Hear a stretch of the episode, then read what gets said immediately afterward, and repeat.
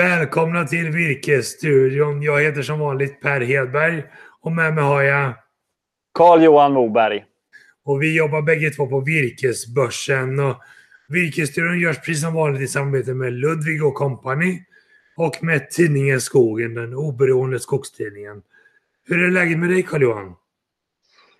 Nej, som vanligt eh, brukar jag säga, det är bra med mig. Eh, det, det, brukar jag säga och det är ju kul det. Eh, nej, men jag gillar ju att det är lite vinter, det är kallt och jag gillar ju både för mig egoistiskt sett för jag gillar det, men samtidigt så gläds jag över att eh, det är bra för, för skogsägarna att det, och för skogsbruket att det är kallt och kyligt. Men det är ju lite vad som händer i själva skogsbruket. Vi befinner oss i annars en väldigt spännande period nu med lite rapporter från bolagen som kommer. Hur ser det ut där Per? vi befinner oss ju mitt i rapporteringen från kvartal fyra förra året. Och vi tycker att det är jättespännande att följa som de skogsnördar vi är. Och vill man följa med på hur det går för skogsbolagen då tycker jag man går in och registrerar sig på virkesbörsen så gör vi en kvartalsjämförelse för hur det går för de olika skogsbolagen varje kvartal. Och i den kommer man se, om vi tar exemplet då med SCA till exempel, så ser vi att marknadsmassa går fortfarande tungt. Det är låga priser och valutan blåser en rast rakt i ansiktet. Så att där går ju SCA minus och här blir det intressant att se hur det går för Södra också. Det ligger väl lite i korten att det kommer gå minus för Södra Cell också. Men tittar man på sågverkssidan så går ju den fenomenalt bra. Och det rimmar ganska väl med den goda efterfrågan på sågtimmer som vi tjatar om. Så att goda resultat för sågtimmer, för sågverken, sämre för massa och i SCAs fall då när vi tittar på förpackningspapper eller containerboard så går det ganska sidledes jämfört med ett år tidigare, före coronan. Så att tydligt neråt för massaveden, tydligt uppåt för sågtimret kan man väl säga. Och det känner vi igen från när vi hör med köparna också, eller hur? Ja, men alla gånger. Ja, men så är det ju. Det är ju ett stort överskott på, på massaveden. Och här sitter ju många köpare och har hårda, ja, men hårda kvoteringar helt enkelt, vad de får komma in med. Och det är klart att med, med virket, timret, så är det ett annat flöde. Men även där så, så känns det som att man har ganska bra kontroll på att, att inte överavverka då för att bygga alldeles för stora lager. Men samtidigt så vet vi alltid att nu eh, på, på vårkanten, eller det, det är ju inte vår än på långa vägar, men, alltså, men det huggs ju mycket just nu och så bygger upp också ett skogslager, bilverkslager. Jag pratade med några skogsägare tidigare i veckan och de menar ändå på att det är så kallt nu så att nu krymper lagren fort av bränsleved och man börjar se lite ljusning både på bränsleved och massavedssidan. Samtidigt kommer de här underhållsstoppen då bland annat från södra som ju kommer dra ner förbrukningen av massaved och till viss del också bränsleved. Men, så det är många komplexa faktorer som samverkar kring det här just nu också. Ju. Ja, ja men verkligen. Så fort man är ute och åker längs vägarna eh, så brukar man alltid spana in om man ser någon eh, vedgård någonstans och försöka få någon överblick på hur, hur lagret ser ut.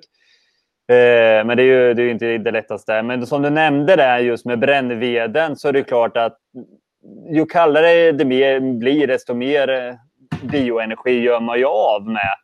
Men samtidigt blir det för kallt så måste man ju stötta upp med andra bränslen i, i, i pannorna. Men det är självklart att det går åt mycket bränsleved och det är ju tacksamt det. Men som vi har pratat om innan också, då vi hade ju stora lager vi gick in med redan från förra året. Så att eh, det är ju inte så att eh, man eldar upp lagret på, på någon vecka. Men samtidigt nu, nu förbrukar vi så mycket el i Sverige för att det är så kallt. Nu har vi startat till och med oljepannan på västkusten och oljepriset är på väg uppåt och är det högsta på väldigt länge. Och det gör ju att biobränsle kanske blir mer konkurrenskraftigt jämfört med oljan just nu också. Så jag, jag hoppas och tror att vi kan äta en del av de här lagren då på både bränsleved men kanske också massaved. Och det vore jätteskönt. Ja, det behövs ju. För tittar man på vad, vad eh, dagspriset är på, på brän, bränsleved så är det ju inte högt. Men det är, vad, vad ska vi säga, ja, 125-130, kanske något mer plus minus om man tittar på, på Götaland. Och det för... jag in, för jag menar, vi ser ju priser från 50 till 150 så det är väldigt stor skillnad mm. mellan den som betalar bäst och den som betalar sämst. Och det är ytterligare ett argument för att konkurrensutsätta virket och nå de som betalar 150 så att säga. Ja, men precis. Och det jag skulle göra lite tillägg på är just att det är ju vad priset är idag och det kanske är då vad, vad en del bolag får betalt när de säljer till, till ett värmeverk. Eller kanske något mer självklart. Men, men man har ju då köpt in det kanske för ett år sedan och då vi hade vi ett helt annat pris och kanske var 300-350 kronor. Så att det är ju ett väldigt dyrt lager man har också. Man brukar säga att någonstans 80 procent av pengarna från en slutavverkning kommer från sågtimret. Så att bränsleveden är en liten del från en avverkning. Hur går det för sågtimret tycker du? Vad hör du där ute på marknaden? Ja, men det, det sågas ju väldigt, väldigt bra. Eh, det går på, eh, ja, jag skulle säga liksom att de flesta aktörerna ser till att ösa. Sen är det väl så att det pratas ju alltid om i den här branschen att, att man sågar sönder marknaden, att man producerar för mycket, liksom, att det kommer ut för mycket råvara på marknaden. Och det är ju bara frågan hur det kommer att bli den här gången. Vi hoppas ju verkligen att det inte blir så att vi håller i den här trenden att det är hög efterfrågan på, på, på, på råvaran från skogen inom byggindustrin. Och det, det, det är ju mycket omvärldsfaktorer som spelar in där. Eh, men eh, alltså, det, är ju, det är ju klart att vadå, vi vet ju att hemmafixandet räddar ju sågverken det här året. Frågan är hur det kommer att ske i år. Och spekulationer då, kommer man få resa till sommaren på något sätt och vis eller kommer man eh, lägga det ännu en sommar på att utöka trallen på huset? Och jag får dra mitt strå till stack. Jag får väl lägga trall över hela tomten då för att försöka bidra till det här. Men kikar man på SCAs redovisning för fjärde kvartalet så pekar ju de väldigt tydligt på att det är byggvaruhandeln som är motorn i den goda efterfrågan just nu. Och gräver man lite djupare i det så har ju Kanada haft jättestora bekymmer med vad man kan likna vid en granbarkborre. Och det gör ju att de har ganska begränsad råvarubas för exporten till USA. Och då går USA och letar på andra ställen efter råvara istället. Mm. Och därav den goda efterfrågan i Europa också då. Nej, men det är det. Trots att man har sin eh, fastighet i den lokala socken någonstans i Sverige så måste man förstå att man är en del av en omfattande global ekonomi. Och tycker man att det är kul att följa med i vad som händer i omvärlden och vart virkespriserna är på väg och vart de förväntas röra sig någonstans. Då kan jag verkligen slå ett slag för att gå in och registrera sig på virkesbörsen. Så gör vi månadsvisa utskick över hur virkespriset har förändrats och hur vi tror att virkespriset kommer att förändras. Och det kan vara ett viktigt beslutsunderlag för när man ska göra vissa åtgärder i sin skog, kan man ju tänka sig. Man ska alltid se till att ha mycket kunskap och eh, information när man gör affärer. Det kommer in en del frågor till oss på Virkesstudion och bland annat så är det en som har frågat egentligen vad är Hushållningssällskapet och hur jobbar de med skog? Per, du tog och kopplade upp mot dem va?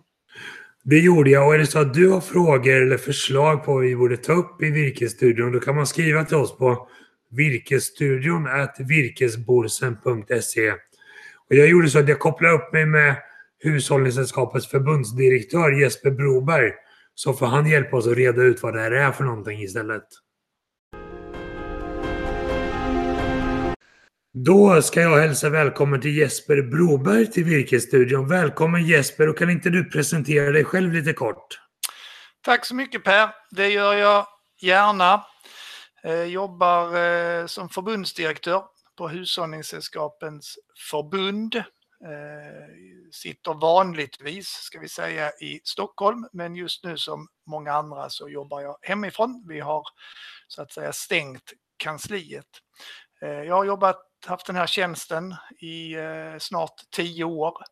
Jag har en bakgrund som agronom och jobbat på LRF Konsult under många år innan dess. Eh, och sen en eh, koppling till eh, virkesbörsen och skog, det är att vi, ja, familjen har en liten skogsfastighet nere i Småland. Så ehm, eh, det finns även ett, ett privat stort intresse för skog. Det låter härligt. Jag tänkte be dig berätta lite grann, för vi har fått in frågor om vad är Hushållningssällskapet för något? Och när man läser om det så förstår man att Hushållningssällskapet är inte ett hushållningssällskap, utan det består av många olika. Men kan inte du hjälpa oss att reda ut det här? Absolut. Det är, det är mitt jobb, höll jag på att säga. Men, men eh, det, idag finns det 15 olika hushållningssällskapet. Från hushållningssällskapet Skåne och så upp till hushållningssällskapet Norrbotten, Västerbotten och sen finns det då 13 stycken däremellan.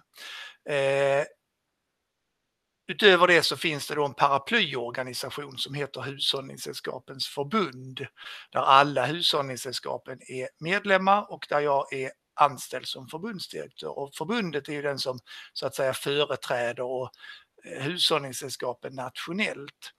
Ehm, så att det är Hushållningssällskapens organisation. Sen blir det ju lite speciellt eftersom vi har ett gemensamt varumärke.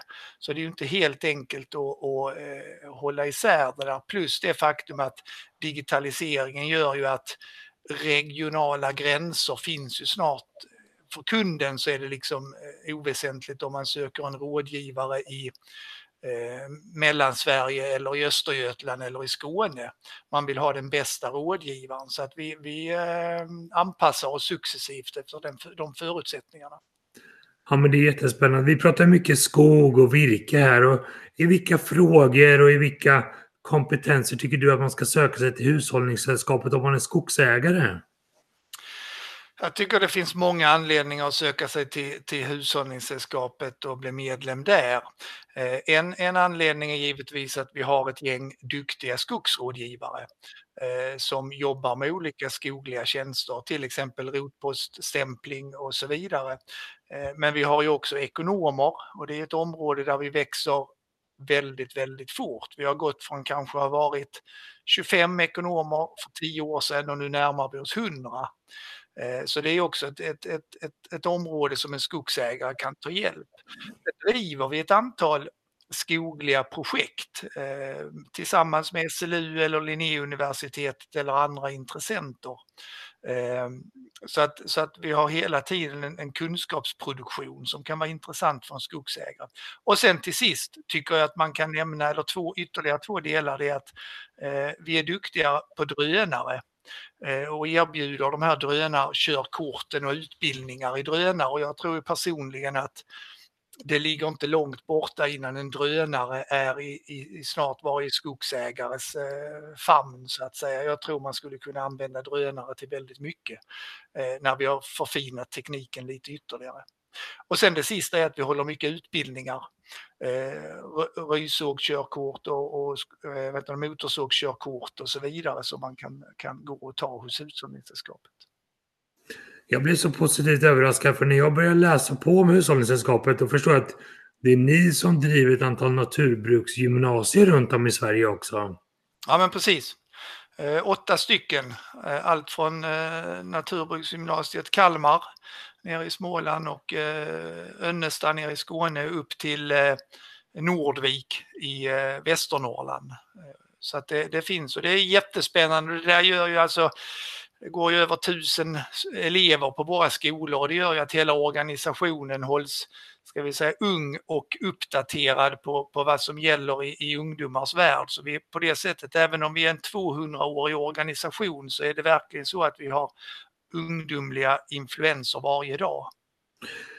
Märker ni av söktrycket till de här skolorna, någon form av ny grön våg eller sådär i spåren av corona? Jag tycker man läser mycket av det att corona ändå fött ett grönt intresse bland många att odla, komma ut på landet och i skogen. Märker ni av det på något sätt? Ja, men det tycker tycker jag nog. Dels genom att vi helt plötsligt får en helt annan exponering i media. Vi blir tillfrågade som experter på olika sätt. Men, men tre, det är väl det ena. Sen, ja, vi, vi står ju bakom någonting som heter rekoringar. Eh, där, där ja, Facebookgrupper där, där lantbrukare säljer direkt till konsumenter. Det har ju verkligen exploderat eh, och når nu nästan, jag tror sist jag fick en siffra så tror jag det var 800 000 medlemmar i olika rekoringar och det är ju också ett tecken på ett grönt intresse. Men rent konkret så kan jag nämna att vi har en, en utbildning, en distansutbildning, en grundläggande lantbrukskurs som hålls nere i Kalmar. Eh, och där är det väldigt stort intresse. Eh, den kursen har alltså fler sökande, det finns platser. Och det är ju människor som på olika sätt har kommit in i, i det gröna näringslivet, skaffat en gård eller på något annat sätt är intresserad. Ehm, så att Eh, det, det, det, det, märker man då. Liksom. Jag tror inte det har varit så, så stort intresse för ett antal år sedan.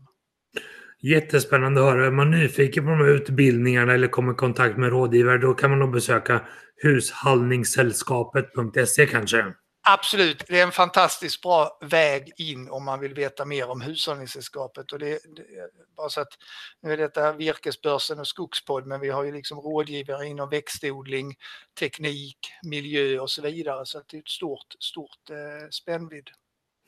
Jättestort tack Jesper för att du tog dig tid till Virkesstudion idag och var rädd om dig där ute.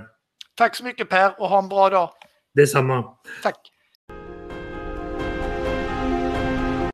Ja, där fick vi höra att Hushållningssällskapet är inte bara ett sällskap utan det är ett helt gäng olika sällskap i hela Sverige och en bra kunskapspartner ute i skogen också. Så är det med det. Du, det ser ut som att du inte är hemma Carl-Johan. Vart är du någonstans? Jag befinner mig uppe i Jämtland eh, och eh, firar lite eh, tidigt sportlov.